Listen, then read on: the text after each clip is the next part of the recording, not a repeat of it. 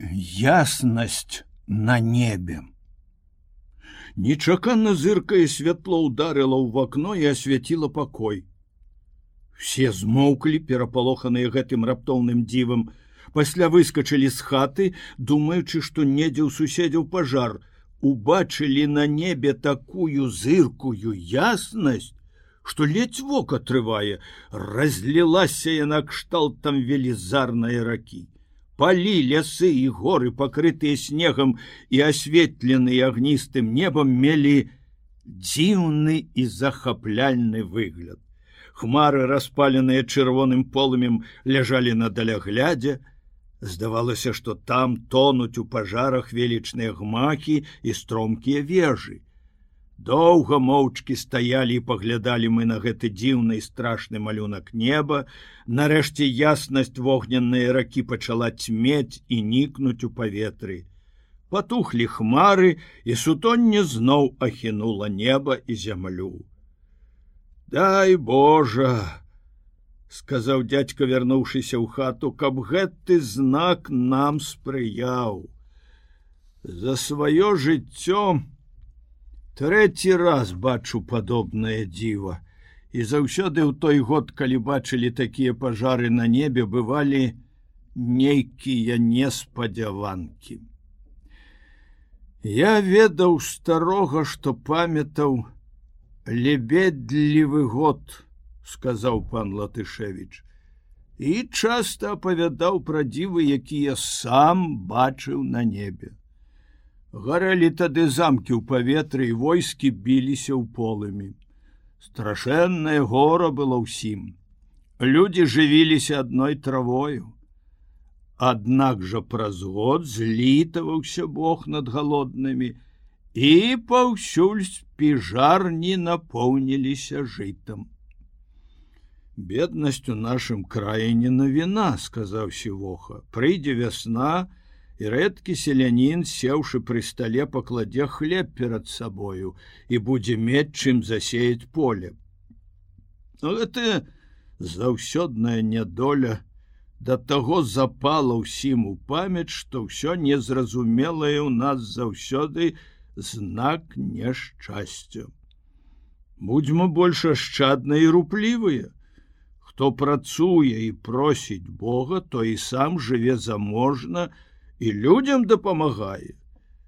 Сляпы францішак уздыхнуў. Мы сустракаем і праводзім усе гады з адной і той самай песняй. Свет нам пілігрымка, а неба напамін. Летом, калі я чую гром, што скаланае ўсю зямлю, думаю пра ўсемагутнасць творцы, і пра ягоную міласэрнасць. Няхай будзе воля яго. Наша будучыня у яго руках. Я чуў некалі такое апавяданне, сказаў сівоха, летом пасля захаду сонца перад нядзеляю ноч была ціхая і пагодная.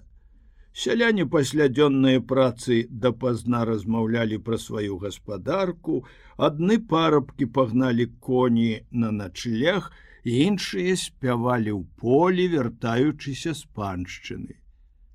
Раптам убачылі ў гары дзіўнае відовішча. На ўсю сваю прастору раскрылася неба, і быццам бы сярод гэтага святла бачылі анёлаў, а дзенне якіх было бялейшае за снег, а вакол галавы німб яснейшы за сонца, все ўпалі ніц маіх, хто маліўся шчыра. Таму Бог такія шчодрыя даў дарункі, што ўсё жыццё тыя людзі не ведалі нэндзы, Чу я гэтую гісторыю сказаў завальня. На маю думку праўдзівую шчырую малітву заўсёды неба пачуе. Але э, дзе ж базыль? Ён яшчэ не скончыў свайго апавядання. Азірнуліся ўсе але базыля ужо ў пакоі не было. Пэўна, сон яго адолеў абазваўся сівоха, бо я даўно заўважыў, што ён ледзь сядзеў і ўсё пачынаў драмаць. Але, пане гаспадару, час бы і нам ужо адпачыць. Заўтра не цэлы дзень спаць. Трэба быць на святой імшы. Але ж апавяданне пра жабер траву не скончана. Сказаўшы гэта, дядька выйшаў і загадаў падрыхтаваць гасцям ложкі. Патушаны огонь. Усе моцна спяць.